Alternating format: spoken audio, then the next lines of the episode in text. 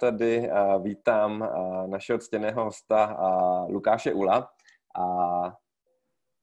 Ahoj Roberte, díky za pozvání. Jo, jo. A, a taky, taky dě, dě, poděkuji všem, kteří jste se sem přihlásili a doufám, že tento webinář pro vás bude maximálně, maximálně přínosný. Takže já se tě zeptám, Lukáši, ty když jsi vlastně nejdřív jako, dokonce jako před tím, než jsi vstupoval do Zootu, jak jsi se rozhodoval, jestli vůbec ta, ta firma má šanci přežít, anebo ne? No, to bylo, eh, to byla jako velká diskuze, velký rozhodování. My vlastně to ještě dávno předtím, než jsem v Zutu začal fungovat, tak já jsem se Zut snažil koupit jednu dobu. A že jsem jako jednal se všemi tehdejšími akcionáři, já jsem v té době odešel, jsem nebyl v Pietro Filipi, kde jsem byl do té doby a snažil jsem se dát dohromady jako financování a tu firmu koupit. Ono v té době už ta ekonomika tady nebyla vůbec dobrá, ale říkal jsem si, že eh, se to dá koupit tím pádem levně, ale je potřeba relativně dost peněz na transformaci a otočení. Takže já jsem měl postavenou jako eh, vlastně celou, tu příležitost, to je ten případ, um, měli jsme jako napočítaný Excely, ve kterých to krásně vycházelo. Ono to v tom Excelu je jednodušší než v tom reálném světě. A začali jsme to dávat dohromady, oběhal jsem několik investorů, kdy všem se to jako líbilo, že ta transformační story má hlavu a patu, ale nikdo do toho nechtěl jít, protože v té době měl obrovský zadlužení už a že vlastně jako samotná business transformace nestačila, protože prostě ty dluhy eh, je potřeba zaplatit. Takže já jsem potom z toho v nějaký době úplně vypadl a potom už, vlastně byl fakticky insolvenční situaci a v té době banka Eh, vlastně chtěla tu svou situaci vyřešit, eh, odprodejem ty svoji pohledávky, tak jsem se na základě vlastně pozvání do toho vlastně dostal znova, že jsem měl už jako připravený ten transformační case, tak jsme to začali dávat dohromady, ale jako celý to stálo vlastně na tom začátku na tom, že jsme měli několik hypotéz, eh, v čem by ta firma se měla spravit, co by měla dělat jinak a ta jako důvěra v tu budoucnost vlastně byla jako e, opřena o nějakou znalost, o nějakou analýzu a o, nějakou, e, o nějaký názor, jako co by mohlo zafungovat. A takže jsme se jako rozhodovali tady vlastně na základě tohohle. Potom v momentu, kdy jsme do toho vlezli, tak najednou zahraniční konkurence otočila kohoutkama a začala utrácet jako řádově jiný peníze, než utrácela do té doby. A a ta, jako ta situace potom nabrala úplně jako jiný spát, než jsme si plánovali v tom Excelu, ale na tom začátku to bylo jako vlastně postavené na nějakých pokladech a, a, a to rozhodování, jestli do toho jít nebo nejít, vlastně bylo na základě nějaké analýzy relativně detailní uh-huh. toho provozu, co by tam mělo fungovat jinak. A bohužel jako teďka spoustu firm je takových, že uvažuje hele, já bych to nejradši zavřel nebo ideálně prodal, protože když to zavřeš, tak jako na tom nic nevyděláš, když to prodáš, tak jako aspoň něco získáš.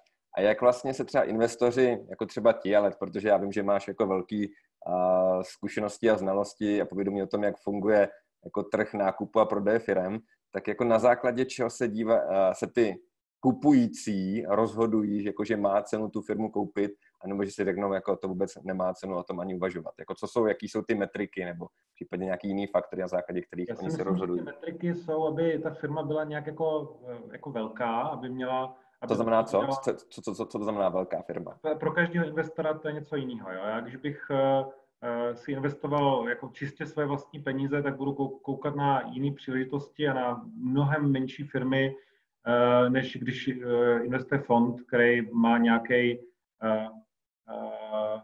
každý produkt má svého zákazníka, se říká. Tak prostě je potřeba najít jako tu správnou skupinu. Já mám jednoho kamaráda, který je bez peněz, ale podařilo se mu teďka nedá před půl rokem asi koupit firmu eh, za 70 milionů korun. Jak to udělal? No v té době se mu podařilo získat bankovní financování na, řekněme, dvě třetiny, 70% té částky a ten zbytek eh, získat pomocí dluhového instrumentu, pomocí jako vypsaného dluhopisu, že měl eh, jednoho známého v jedné distribuci, že se jako domluvil, že by to vlastně šlo upsat a ta malá emise vlastně se dá takhle realizovat. Takže vlastně člověk, jako můj kamarád, klub vlastně bez peněz, jako s normálníma prostředkami, jako má každý, tak se mu podařilo tohle dát dohromady, ale je to o výběru toho správního druhu financování, jako dluhově, banka, obligace. Teď se to samozřejmě jako radikálně mění. A případně nějaký investor. Takže já si myslím, že jako, jako v podstatě všechno je na prodej, když člověk si najde správného zákazníka a správně to nastrukturuje tu story. Takže já si myslím, že ta jako velikost vždycky pro toho konkrétního investora hraje roli při tom jeho rozhodování a potom tam by měla být nějaká strukturální výhoda, protože si myslím, že ta firma by měla fungovat líp než konkurenti. Proč by měla mít nějaký nadstandardní tržní podíl nebo nějakou, nějakou nákladovou nebo tržní výhodu, tak to je jako druhý moment, který tam je významný, když jsme tady v té jako velmi obecné rovině. Eh, a potom ty, jako proč se třeba nepovedlo prodat zůd v té době, kdy ještě byl jako v té předinsolvenční době, tak to bylo, že byl jako obrovsky zadlužený a že už se to prostě nedalo udělat. Tak tohle bylo tehdy diskvalifikační. A takže tam jako závisí ta konkrétní ekonomika, ale myslím si, že je potřeba potom jako hledat, a je to prostě jako numbers game, jo, že to je, uh, že když člověk osloví jednoho investora, tak to vyjde nebo nevíde, když jich osloví 100, tak jako velká, vlastně velká šance, že u někoho z nich to projde, protože se do toho zamiluje.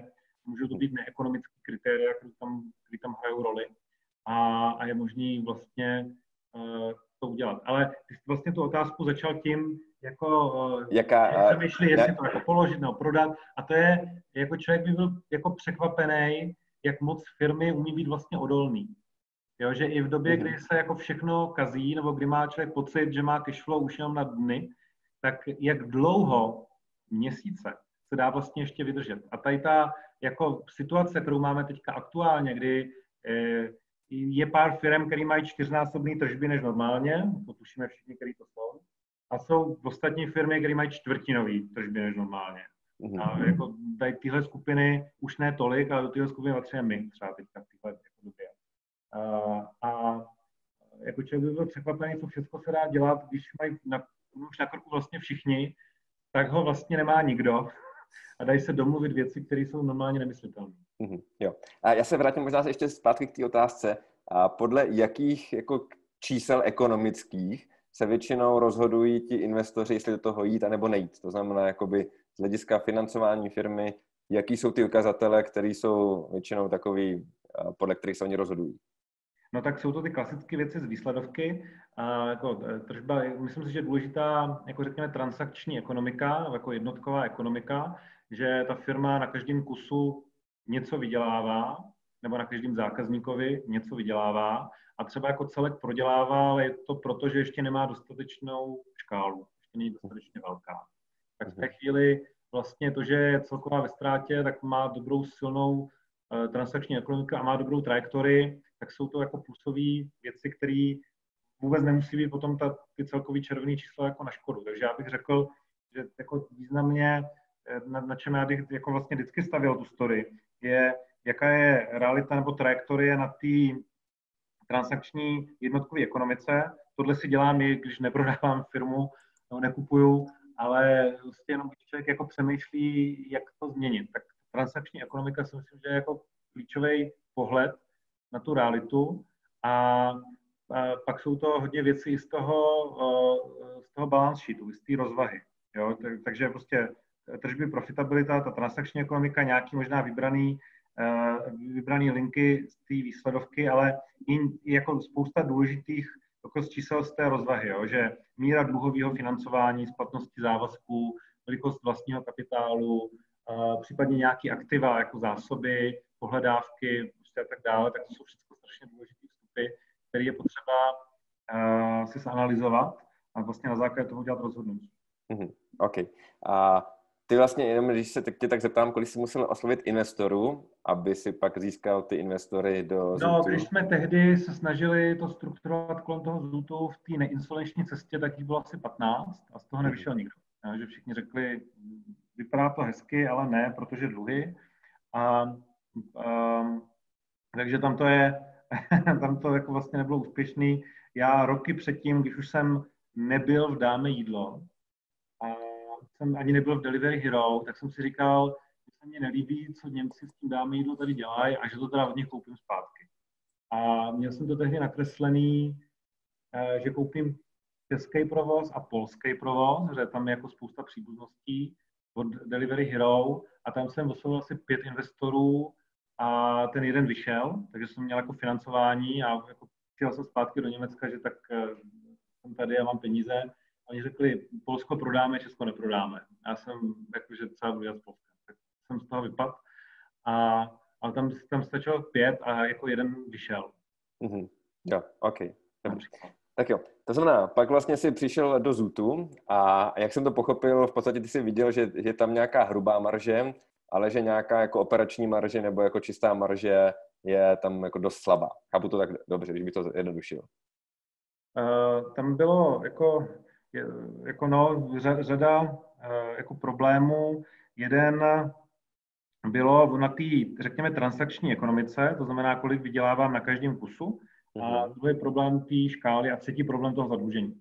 A ten problém na té jednotkové ekonomice je, jak je známý těma výdejnama a vratkama, takže tam vlastně ta analýza, ta logika byla, když prodám objednávku zákazníkovi, on si objedná, tak mi to vytváří nějakou marži a na přímo ten jako fulfillment, tak jsou to výdejny, marketing, jsem tu objednávku musel získat, a výdejny, logistika, pro provoz, ten přímý provoz skladu, tak když odečtu od té objednávky, od té marže, tyhle ná, ty přímý fulfillment a marketingové náklady, tak kolik mě zbyde.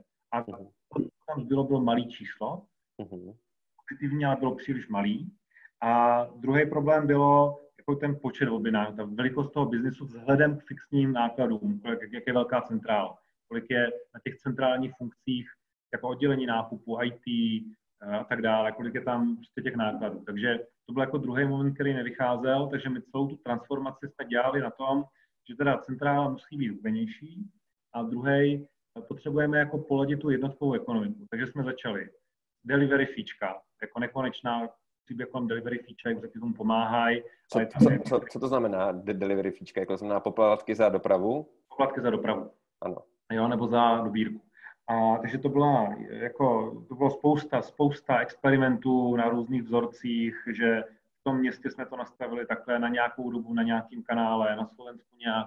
Teď jsme jako ladili, získávali tu zkušenost, jaký vliv to má na konverzi, jaký vliv to má na zákazníci říká, jaký vliv to má na tržbu, jaký vliv to má na průměrnou hodnotu objednávky a tak dále. Takže tam byla strašná spousta experimentů a e, na konci toho všeho jsme si došli k tomu, že nemají žádný velký negativní vliv existence těch poplatků. Že v každém výzkumu třeba zákazníci řeknou, my ty poplatky nechcem, a já jako zákazník říkám to samý, ale potom, když se člověk dívá na to tržní chování, tak ta, ten, ten poplatek jako vlastně není blokr a ještě navíc zvyšuje průměrnou hodnotu objednávky, takže je to jako, má to vlastně jako pozitivní vliv.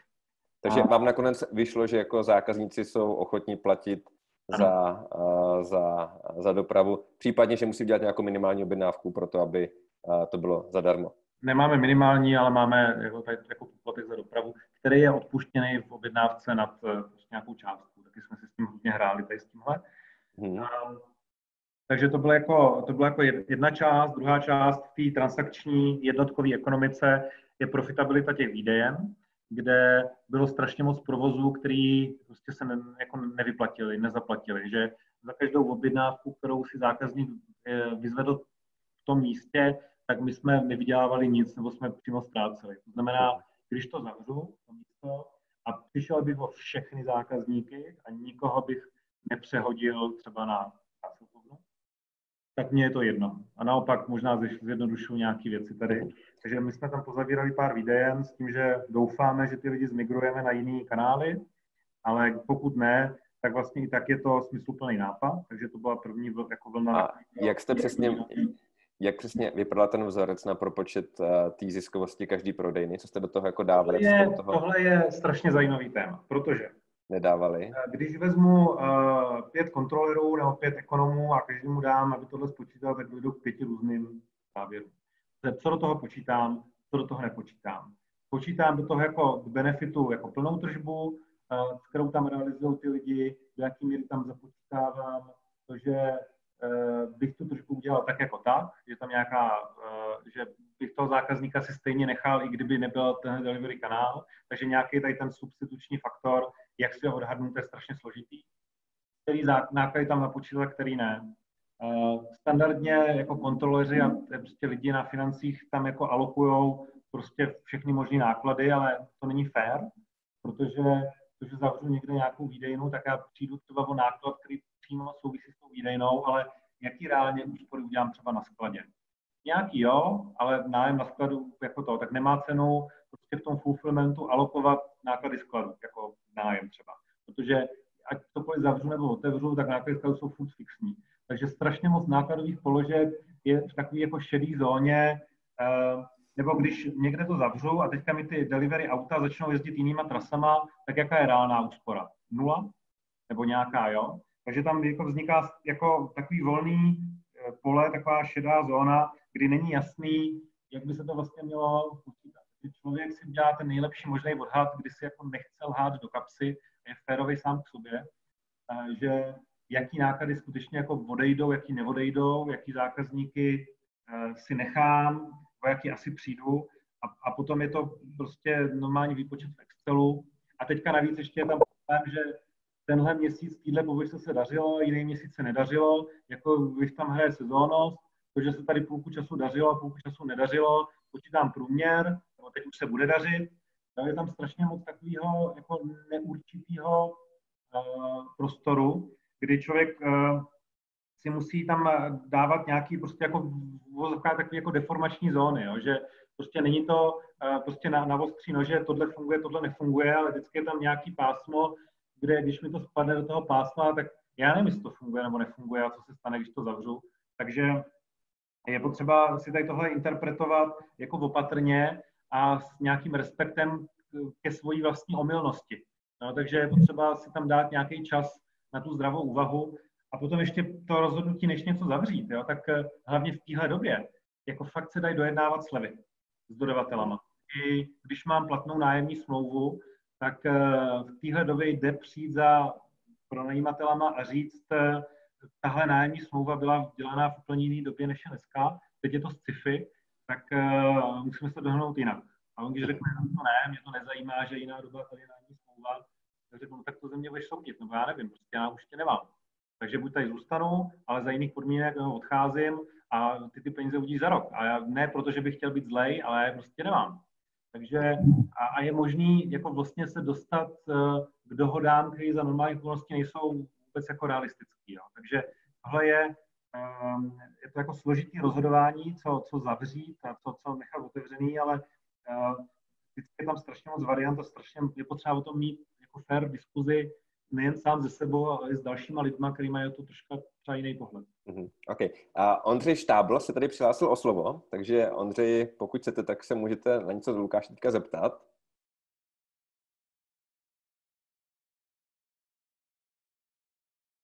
Slyšíme se, Ondřeji. OK, tak Ondřej možná je někde teďka někde uh, jinde. Nevadí, a když tak, když tak to napište, kdo otázek a odpovědí a určitě se k vašemu dotazu uh, dostaneme. Uh, děkuji, Lukáši. To znamená, že ty jsi, uh, ty jsi, uh, ty jsi v tu, uh, tu první chvíli uh, řešil teda tyhle ty, ty uh, náklady, co se týká vratek, co se týká těch provozoven. Jak to bylo se zaměstnanci? Jak jsi se rozhodoval, dejme tomu, jakýho zaměstnance jako ponechat a kterýho naopak, a kterýho zaměstnance naopak jako propustit? No, to je, eh, to je taky jako složitá věc, jako ostatně všechno. Uh, u nás to bylo tehdy složitý, že jsme byli noví v té firmě, takže člověk jako neměl úplně jako dostatečně hluboký pohled vlastně na všechny lidi, o kterých jsme tehdy rozhodovali. Ale ono to bylo eh, do velké míry vlastně jako ovlivněno uh, tou jako ekonomickou realitou, jo? že ta firma má nějakou runway, má nějaké prostředky a musí s nějakou rychlostí udělat uh, tu transformaci. Takže tam v nějaký moment je potřeba prostě udělat to těžké rozhodnutí, i když těch informací není dost. A člověk by si v ideálním případě přál těch informací mít víc. Takže prostě některé věci jsme věděli, že dělat nechcem, tak prostě ty, ty, ty lidé, kteří na to, za to byli zodpovědní, tak tam ten důsledek byl jednoznačný. A na začátku, hnedka po začátku bylo jasný, že si jako profilově, kulturně um, jako nesedeme úplně s každým, že byla jako spousta lidí, který mají jako jiný způsob jako vůbec přemýšlení a jiný jako jiný rytmus té práci. Takže tam to rozhodnutí člověk udělal jako hrozně jednoduše vlastně zase, jo, protože tam je potřeba, aby tam byl i nějaký takový ten chemický fit zájemný. Mm-hmm. Takže, a je prostě si potřeba přiznat, že člověk udělá i chyby. Tady v tom jako rozhodování já vím o několika lidech, který eh, si myslím, že jsme neměli propouštět a udělali jsme to. A já jsem to některým z ním potom i říkal, jo, že jsme potom zůstali v kontaktu a, a že člověk dělá to rozhodnutí s nějakou znalostí, protože musí je udělat v nějaký čas. Mm-hmm.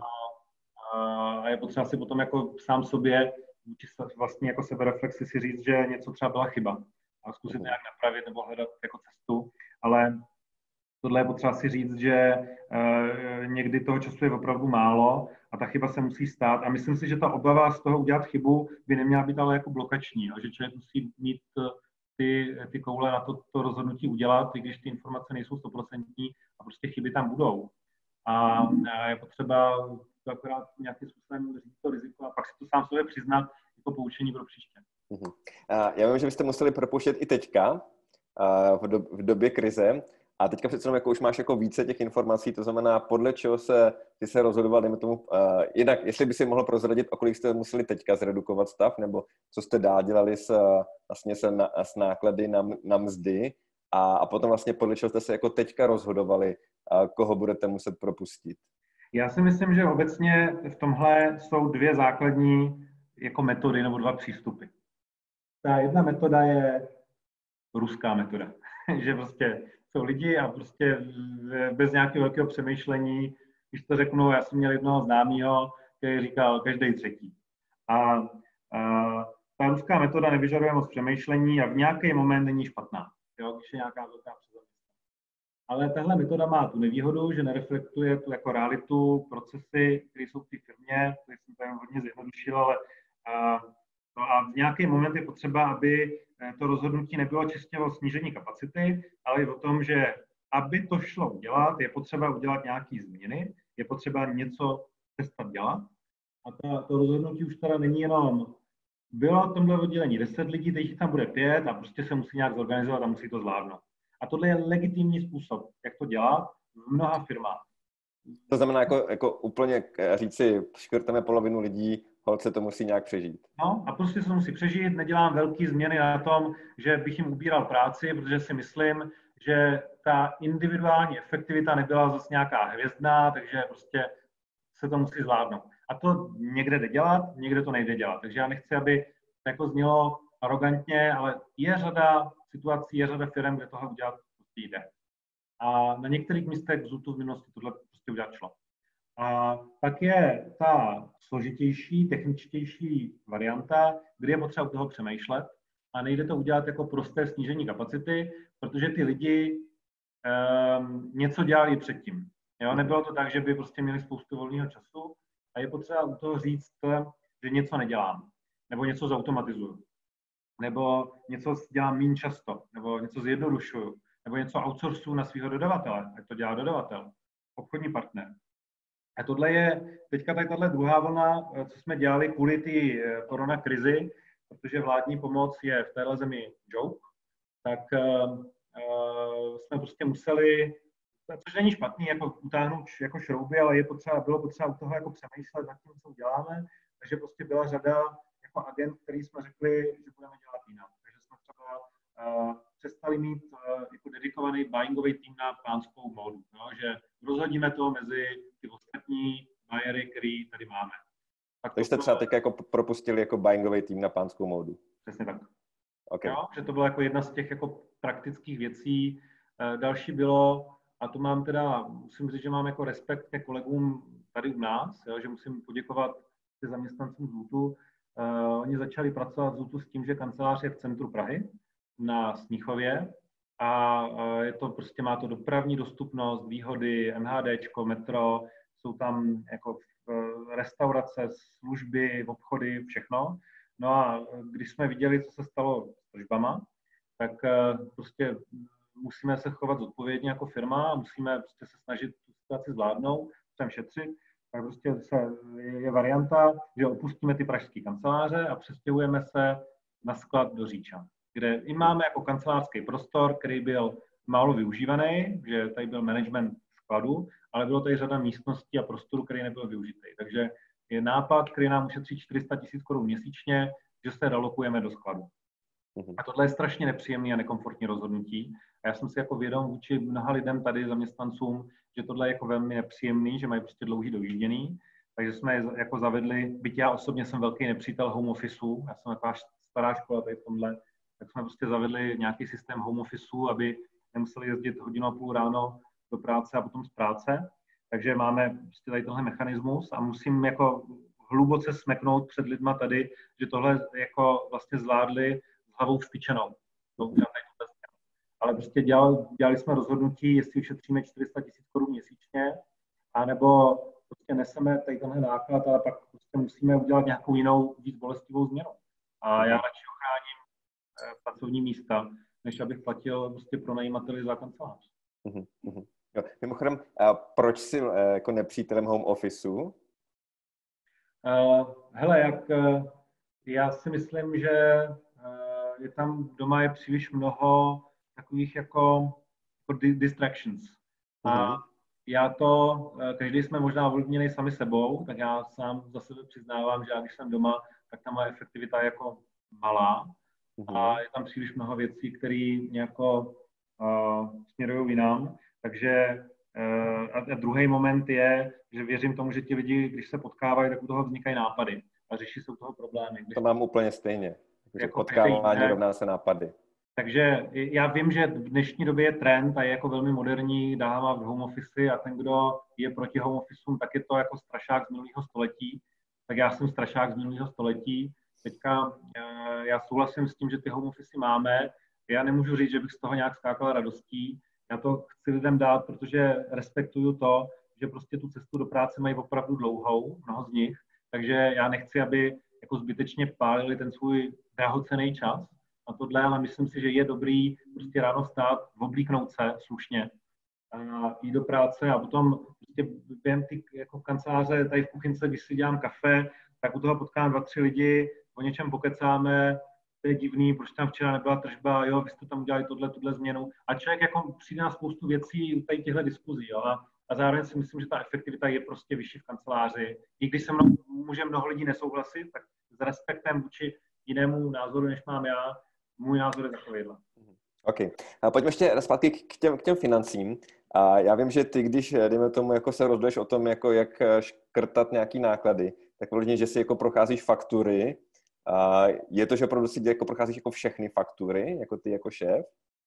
Jo, ano. Jako, tak... Je to, ano, je to uh, jako v dobách míru, tak ne, jako v dobách míru, když je to klid, tak tohle dělám jednou třeba za dva, tři měsíce, že si projdu, ale jako na úroveň faktury za kopírování za 18 korun, jo.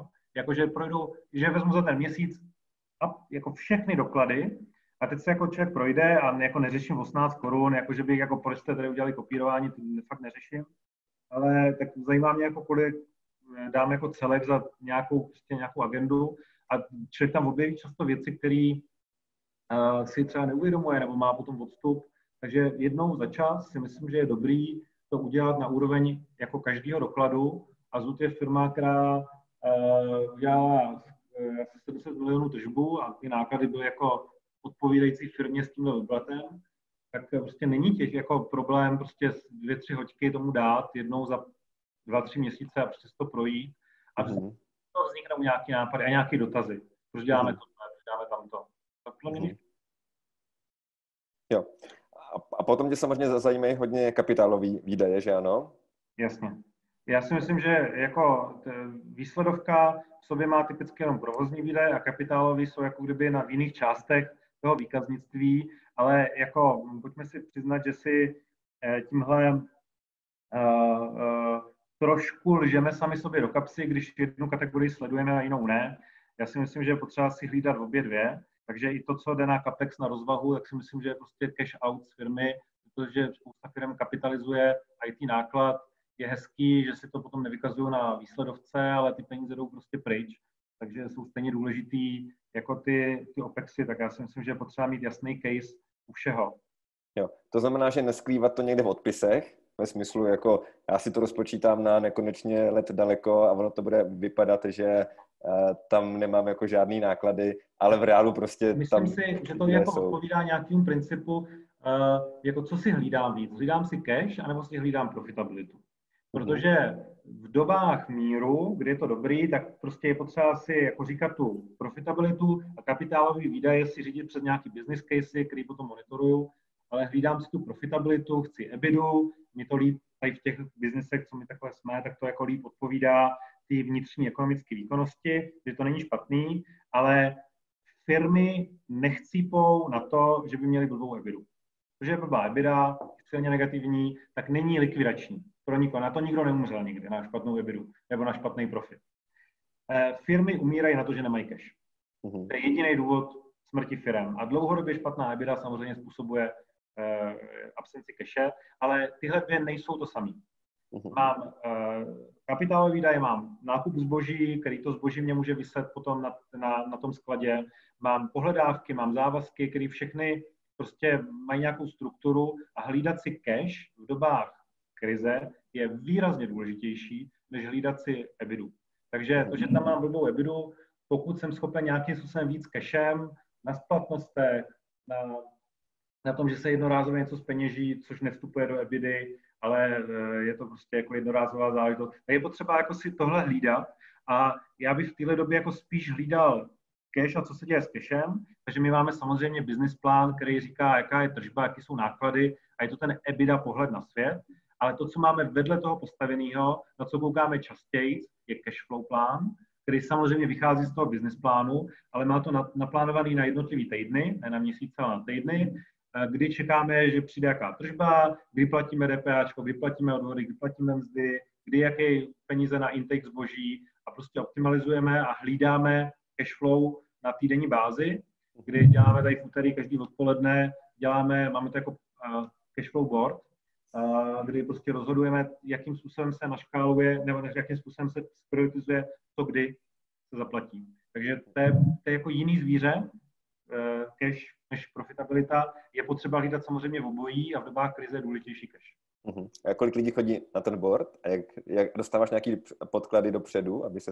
Já, finanční ředitelka a, a, a kolegyně, která je zodpovědná za nákup, takže prostě ta finanční tam přinese já vždycky začínám schůzku, tak kolik máme na účtě, uh, takže prostě ona řekne číslo, teď se podíváme na seznam jako faktur, seznam závazků na několik týdnů dopředu, jo, a víme, z tohohle plyne, hele, příští den musíme zaplatit tohle a tohle. A vypadá to, že standardní business vygeneruje tyhle peníze, potřebujeme tam udělat nějaký marketing, potřebujeme tam udělat nějakou akci, takže uděláme, pro, uh, a já tam potom jdu a hele, musíme udělat promo na tohle, tohle, potřebujeme, aby to vygenerovalo pět míčů. Jo? A potom v tom samotném rozhodování tak jedeme po OPEXech, kde zařadíme, někde jsou totiž individuální jednání, jo, tam, uh, uh, takže prostě něco člověk chce zaplatit hned, něco chce zaplatit později, to je jako legitimní. Uh-huh. A zároveň potom tam zbydou nějaký peníze na nákup zboží. Prostě si řekneme, a u toho rozhodnutí, co chceme koupit. Je prostě spousta dodavatelů, spousta nabídek, a člověk dělá rozhodování, to a jak. A tohle je jako důležitý, v dobách míru řadu těchto rozhodnutí jsem, tyhle, tohle jsme neměli ještě nedávno, tady tenhle setup, že OPEXy jsme platili jednoduše, prostě každý jako týden se platilo všechno, co přišlo a bylo tam dost na intake, takže oni si sami prioritizovali holky, co kdy, v jakém pořadí. Teď je to jako těžší, doba je hubenější, takže to rozhoduju já, protože já mám odpovědnost a jestli to udělám blbě, tak si sežeru své vlastní problémy a je to fér. Mhm. Takže jako ty sám rozhoduješ o tom, kdy se co zaplatí. Jo, a tohle je malá firma, jo, ten zub, eh, prostě firma, která má půl miliardu, miliardu, tak to fakt můžu dělat já. Když bychom tady měli, eh, kdybych řídil čes, tak to asi probíhá jinak, jo, ale budu tohle dělat. Jo, OK. A ještě jsem se tě chtěl zeptat, um, uh, OK, ty ještě potom používáš nějaký metodiky AVA a Lean? Jo, to, jsou, to jsem tam jako vlastně, to je, to je v té logice, že člověk jde tou ruskou metodou, což teďka nejde, nebo potřebuje nějakou logiku. A prostě jsou dva, které já znám, tak jsou jako dva základní frameworky. Uh, Lean, který se používá ve výrobě často, tak je o tom, o eliminaci vlastně plítvání a je tam nějakých je to metodika. Jo? Je tam prostě sedm nějakých zdrojů plítvání, různý prostoje, opakovaná práce, čekání fronty a tak. Takže prostě je tam prostě nějaká metodologie. Takže když už se nedá ruská metoda, co udělat tohle, tak na ty e, situace, které jsou jako procesně náročné, je to nějaký proces, buď výroby, nebo vychystávání, nebo delivery, tak se tam používá ta metodika Lean, kterou doporučuji si nastudovat pro toho, koho to zajímá, anebo ta AVA, já nevím, jestli se tomu tak oficiálně říká, uh, je to zkrátka Activity Value Analysis, a to je takový spíš jako backofficeový funkce, že každý, uh, to bylo třeba u nás tady na buyingu, jo, jsem si udělal vlastně jako mini AVU, kdy ty lidi tráví čas hodnotnýma věcma a tráví čas jako věcma, který je potřeba udělat, ale nejsou hodnotný. Cokoliv administrativního je potřeba udělat, ale není to hodnotný. To, co přidává hodnotu, je rozhodnu, že někdo udělá rozhodnutí, potřebuji dokoupit tyhle ponožky, protože se dobře prodávají, nebo potřebujeme změnit cenotvorbu na tomhle a tomhle, protože. A to, co není hodnotný, je, teď musím zadat do systému tabulku, ve kterým opíšu jinou tabulku. A, a to není hodnotný. Takže tam je potřeba si rozdělit tu práci lidí na ty věci, které mají jednoznačnou přidanou hodnotu a na ty, které jsou bez té přidané hodnoty a, a, a být nemilosrdný a hledat cestu, jak zoptimalizovat to, co je bez té přidané hodnoty. Takže to je jako, okay. mám dvě takové metodologie v tomhle, jak se, jako kterou cestou se jde. Mm-hmm, jo. Takže vlastně takhle, jinak se tomu říká taky activity-based costing. Jo? Že to je taky termus technikus, který ohledně tady to, uh, toho jde. OK. A ještě se tě zeptám, o kolik se ti teďka podařilo třeba prodloužit splatnost některých faktur? No, je strašně individuální. Tak teďka poslanecká sněmovna odhlasovala zákon, že na nájmy je fakt dlouho. Takže to, to využijete do plný jako... No, je to, je, hele, je to nějaký jako změna toho jako hracího pole. Jo? Je to prostě nějaký právo, který získali nájemci. Já teďka chci úplně odhlídnout od toho, jestli si myslím, že to je správně nebo ne, nebo to vláda měla řešit jiným způsobem, což si teda myslím, že velkou spoustu měla řešit jinak. Ale uh, uh, tohle je prostě, že oni ovlivnili to jako vyjednávací pole nějakým způsobem a teďka je potřeba s tím pracovat. Takže my máme nějaký práva z tohohle plynoucí, my můžeme využít, ale výměnou za něco je nemusíme využít. Jo? Pro mě je hodnotnější získat slevu na tom nájmu, nejenom odklad. Takže já jsem připravený jako platit přednostně a, a rychleji a, a jsem připravený prodlužovat řadu nájemních smluv. A nebo je taky rychle končit ale je potřeba se bavit komplexně o podmínkách, splatnostech, o tom, jak prostě jsou nastaveny ty, ty nájmy a tak dále. Takže to je, to je to prostě celá spousta, řada individuálních jednání, kdy je potřeba se podívat objektivně na tu situaci a, a, a, a vést to. A to, co je jako důležitý, to, co já to občas říkám, když se mě na to lidi ptají, při vyjednávání. Já jsem jako já osobně mám takový přístup, že já vždycky přemýšlím víc nad tou druhou stranou, než sám nad sebou. Protože je to, je to je jako důležité jako pochopit druhou stranu jako ve všech scénářích. A to nejen ve scénářích, eh, že každý má tendenci soustředit se sám na sebe, když se nedohodneme, co se mně špatného stane. A je potřeba i přemýšlet, když se nedohodneme, co se jemu špatného stane. A to často bývá i horší. A myslím si, že velká část toho jednání je o tom, Eh, vzájemně si vykreslovat ty obrázky slušným způsobem. Potom, když se nedohodneme, já budu v pohodě, vysvětlovat, a když se nedohodneme, ty na tom budeš blbě. Ale říkat to ne způsobem, který nechá startovat ega, ale eh, je jako koncenzuální a potom jako hledat společnou cestu. Ale strašná spousta lidí při jednání se soustředí jenom na to, co se všechno špatně stane mně a potom sami sebe jako limitujou a jako střelí sami sebe do nohy, že udělají ústupek příliš brzo. Jo? Je, je potřeba, já si myslím, že je potřeba hlavně přemýšlet na tu druhou stranou, jak se na tu situaci dívají oni a co budou dělat ve scénáři 1, co budou dělat ve scénáři 2 a, a pracovat primárně tady s tímhle.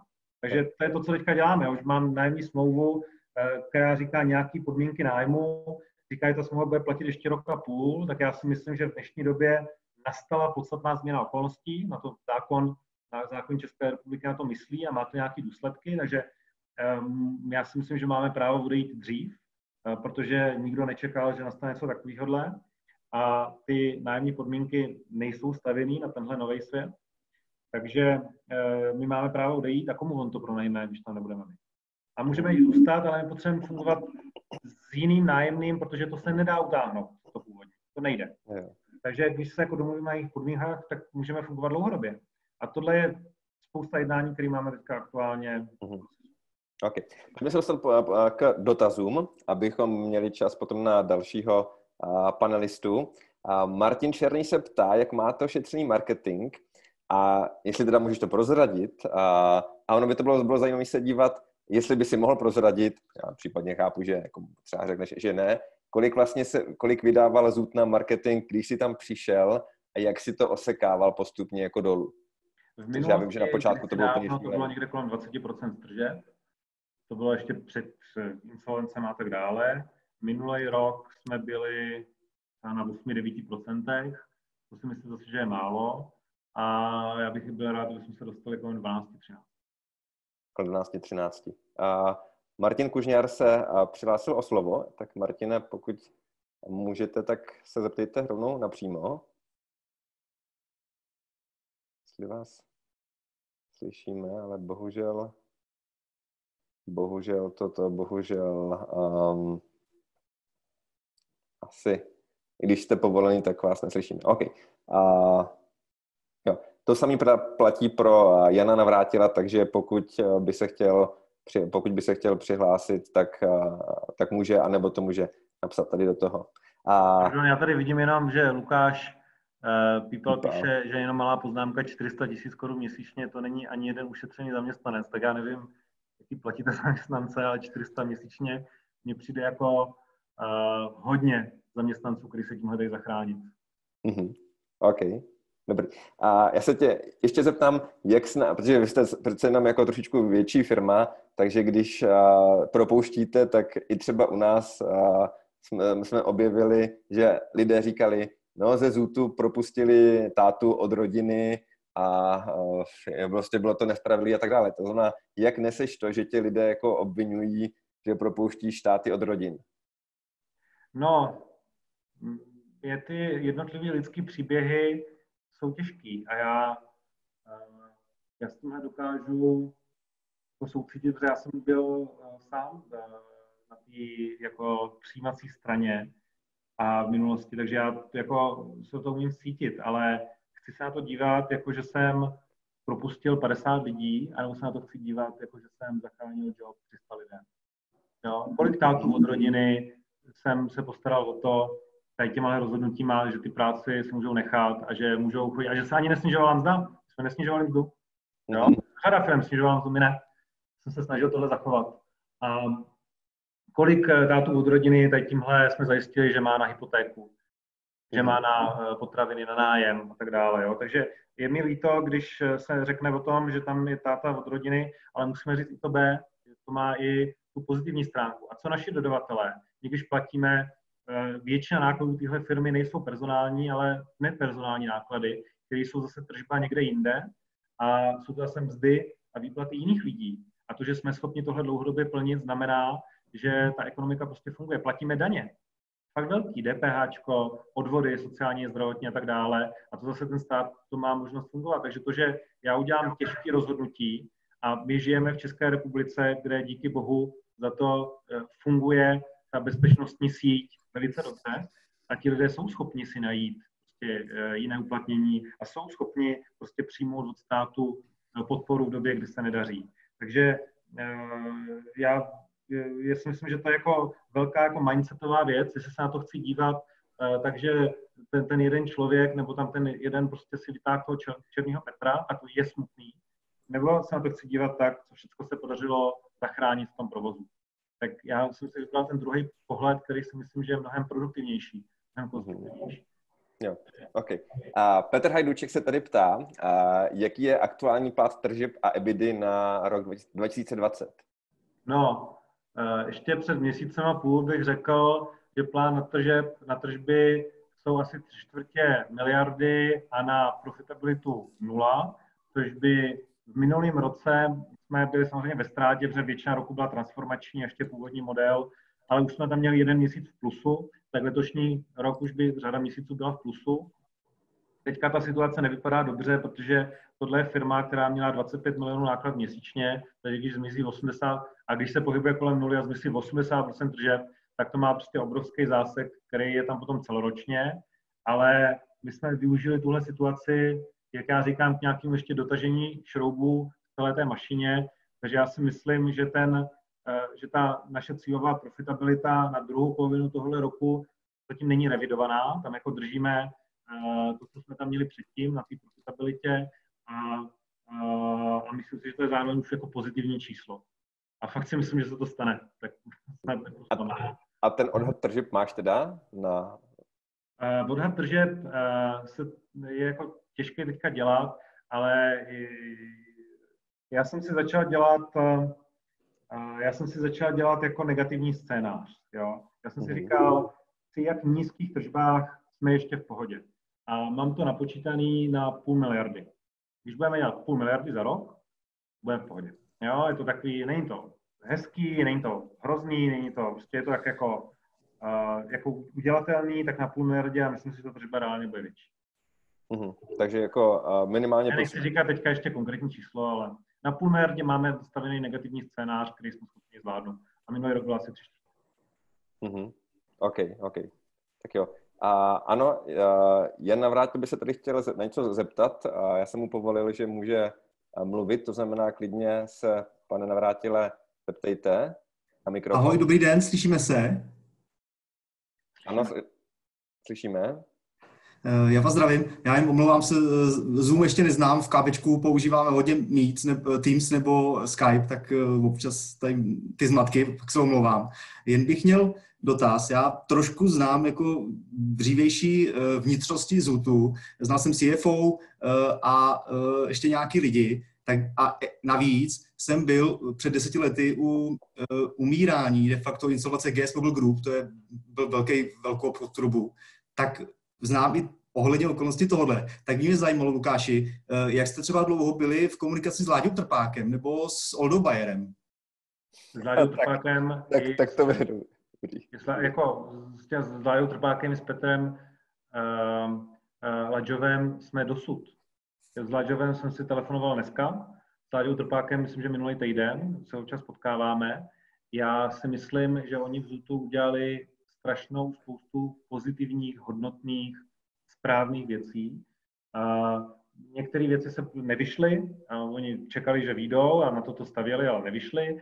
Některé prostě rozhodnutí já bych udělal jinak, ale oni mají oba dva jako strašně silnou stránku v mnoha věcech. Jako Láďa je ohromný vizionář a má prostě dobrý, neotřelý nápady, na kterým jako stojí za to jako přemýšlet. A Pedro Lažov se jako hrozně jako orientuje v těch jako finančních věcech, jako ve strukturování těch jako dílů, financování a tak. Je to jako velmi, to jako opravdu šikovní kluci, kterých si jako velmi vážím. Já si vždycky strašně rád poslechnu jejich názor, protože mnoha věcech je jiný než můj a na tom já necítím jako žádnou ztrátu svého ega, když si to poslechnu a cítím tam to, že prostě nám můžou ukázat, ukazují jako i slepý cesty, které jsme mohli chtít jako dělat, oni tu firmu dělali 10 let tady, jo. Takže já si, jako pojďme mít respekt k tomu, co vybudovali. To nebyl záměr, aby ta firma šla do insolvence, oni jako makali a makali do poslední chvíle. Se nepovedlo a já jako doufám, že zůstaneme v kontaktu i do budoucna, protože já si jejich názoru a jich jako lidsky velmi vážím. Uh-huh. A, i, a i, ano. I, I třeba s Oldou ještě jste nějak v komunikaci, nebo ten už je vyložený v time All Group? Ne, tam nejsme v komunikaci. Jo. Díky, díky. Uh-huh. OK. A Petr Hajduček se ještě ptá dál, jestli si, to má, uh, jestli si s Lukášem můžeš uh, uh, otevřít ty otázky a odpovědi. Uh, já tady vidím, myslíš chat, jo? Ne, ten Q&A. Q&A, já už to vidím. Jo. Obdivujeme jako dravo, odvážně jste se... Mám to přečíst, nebo? Ano, klidně, klidně. Jo. A obdivujem, já to budu říkat česky, protože já to neumím slovensky přečíst některý. Obdivujem, jako, jak dravě a odvážně jste se pustili do očišťování té firmy a jako, jak to jde. Uh, jste rozhodně výborný krizový manažer, děkuji vám. Uh, co se bude dál dít, když to bude stabilní, budete se snažit dlouhodobě dojít k udržitelnému ziskovému růstu. Nepochybně ano. A já si myslím, že ta firma může a musí být uh, uh, jako zisková. Každá firma musí být zisková, aby prostě to nějak pozbývá ten jako smysl. Já, já doufám, že mě to tady baví nesmírně. Já nejsem jako přirozeně z fashionu, já jsem spíš jako provozně finanční člověk jako sám. A mám tady, musím říct, že ten zůd má jako strašnou spoustu jako témat a oblastí, na který se dá jako šáhnout strašně moc jako nápadů, kdy se tady ještě pořád dají dělat. Takže já, mě to tady nesmírně baví, i ty lidi. A, a jako těším se na to, co nás jako všechno čeká. Tady tohle. A i teď tahle situace, ta, já jsem mluvil o tom jednání s dodavatelama, který je teďka těžký, ale tohle otvírá strašnou spoustu příležitostí, že jako rozvoj různých marketplace modelů, eh, eh, kdy oni zalistují k nám zboží, aniž my bychom je kupovali a tím jsme schopni navýšit radikálně nabídku, kterou máme, tak tohle teďka aktivně rozvíjíme. A, celá spousta dodavatelů do tohle s náma chce jít a těch máme asi 15 nebo 20 jako současně, že jako děláme, jsme akcelerovali tady tenhle development, tady tyhle části. Máme tu koncepci partnerských výdejen, kdy naše vlastní výdejiny jsou finančně prostě problematický. Oni už mají jako pozitivní jako kontribuci, která je OK, ale když ten výdej děláme přes nějakou partnerskou výdejnu, kdy najdeme v obchůdek eh, v nějakém třeba menším městě nebo v nějaké městské části většího města obchůdek s módou, kde jsou dvě, tři zkušební kabinky a uděláme z toho výdejní místo, tak my přijdeme za tím majitelem a řekneme, my bychom sem chtěli posílat zákazníky a chceme za to platit, tak oni většinou řeknou, že jo. A my vlastně máme výdejní místo, kde tomu drobnému podnikateli přispíváme na mzdy toho personálu a na nájem a na elektřinu a zároveň nás to stojí výrazně méně, než my, když operujeme naši vlastní výdejnu, protože neplatíme celý nájem a, a celý jako fixy, které tam jsou.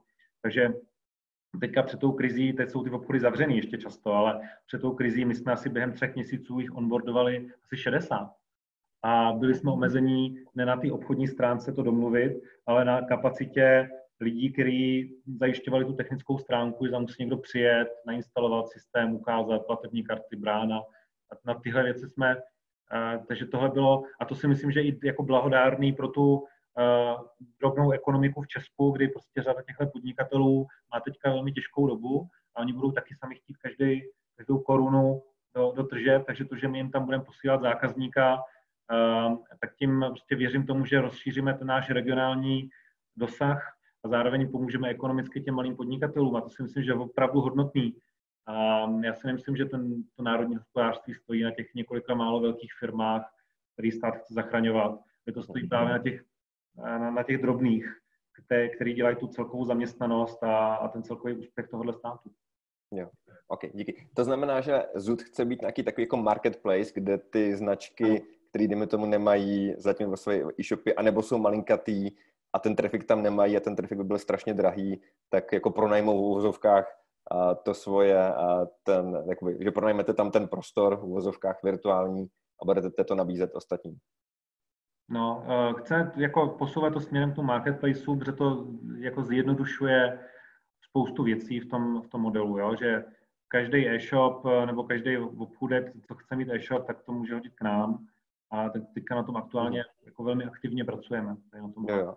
A přesně o tomhle to jsme se bavili včera na webináři právě o, o fashionu, že jako to je ten model, kterým jako jde svět, jakože buď to Nike, anebo AliExpress.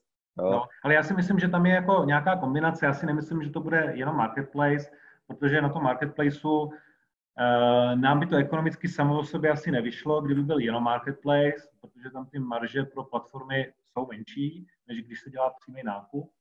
A, uh, a je to jako dobrý doplněk na takový ten jako dlouhý odsaz těch produktů, a ten long tail, uh-huh. tak uh, tam si myslím, že je to vynikající, kde my tam bez problému akceptujeme o něco menší marži pro nás, a někdo vlastně může dlouhodobě podnikat a fungovat.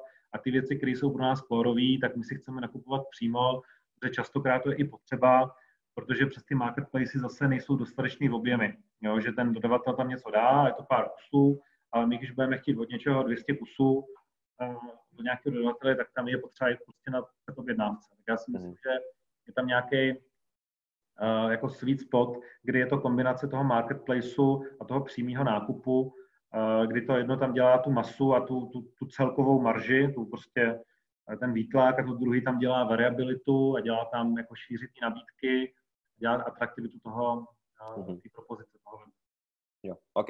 Tak uh, já to už poprosím uh, jenom krátce odpovědět dva dotazy, protože už abychom se, pomaličku dostali k dalšímu přednášícímu. Já udělám malinkatou změnu, že teďka pak poprosím uh, Josefa Schubera, aby se připravil se svojí přednáškou a OK, tak ještě někdo rychle zareagoval, ale prosím, už žádný další uh, uh, už nám tři otázky tady budu mít. Uh, za prvý, a jestli můžeš říct, jakým, eh, jakým způsobem jste vzhledem k aktuální korona situaci snížili náklady na marketing? Jsou třeba nějaké kanály, které jste zařízli úplně? Tím se myslí právě jako marketingové náklady. Uh, ne, myslím, že jsme nezařízli žádný. Uh, je, to, co jsme zařízli, jsou některé jako brandové kampaně. Měli jsme tam už jako předdomluveno několik uh, prostě lokací, billboardy a tak dále, tak tam jsme tohle jako redukovali. To nebylo jasný, jak dlouho lidi budou sedět doma, takže mít ten billboard není úplně hodnotný, takže ta, jako ta spíš ta brandová část se osekávala, ta performance část ne a tam se bavíme o tom, jak to je o něco navýšit. Ještě. Petr Hajduček se ptá, jak důležitý jsou pro ZUD a, a jak budou do budoucna vlast, vlastní produkty. Um, Vlastní produkty nám fungují, dělají, mají lepší marže, mají dobrou prodejnost, zároveň uh, uh, mají prostě větší kapitálovou náročnost, jsou jako víc risky, když by se tam něco nepovedlo, takže my tam hledáme tu správnou cestu, uh, nepochybně zůstanou dlouhodobě uh, jako s náma, chceme navyšovat jako podíl těch vlastních produktů, máme teď jako basicovou řadu, která jako funguje, jako dělat čistě basicovou řadu. Já si myslím, že jako zbytečně, aby jsme dělali sami, já bych to rozvíjel nějakým směrem, aby to bylo něčím jako doplňkový vůči tomu našemu základnímu, vůči tomu ostatnímu sortimentu, ale je to, jako zůstává to jako součást naší strategie produktové, ta, ty, ty vlastní výrobky. A teď to já považuji za úspěch, to, co máme, protože se to prodává dobře, má to dobrý marže, ale je tam strašná spousta věcí k jako kladění jako koncepčního charakteru, jakým způsobem to dá směřovat. Uh-huh. Ok, super. A poslední otázka. A Jiří Koukal se ptá, jestli můžeš prozradit poměr fixních nákladů a mzdy versus nájmy versus ostatní. Uh, vě, třeba 80% nákladů je fixních. Já nechci jako rozpadávat kam mzdy, nájmy, uh-huh. ostatní, ale jako většina nákladů téhle firmy jsou fixní. Uh-huh. Takže se s nedá. Jo, jo. OK, super. Lukáši, já ti moc krát děkuju. A myslím si, že vzhledem tomu, jak se tady lidi ještě ptají dál a dál, ale už to bohužel nestíháme, abychom a, zvládli ostatní. Takže ti moc krát děkujeme. A samozřejmě, jako pokud by si měl zájem, tak můžeš stále být připojený, protože teďka vlastně tady budeme mít Josefa Šubra, finančního ředitele Orkly. Takže abych vás poprosil, Josefe. A... Tak já děkuji za pozvání, děkuji za čas a všechny zdravím a držím palce, ať eh, ta doba eh, se rychle překoná a jsme na tom dobře. Jo? jo.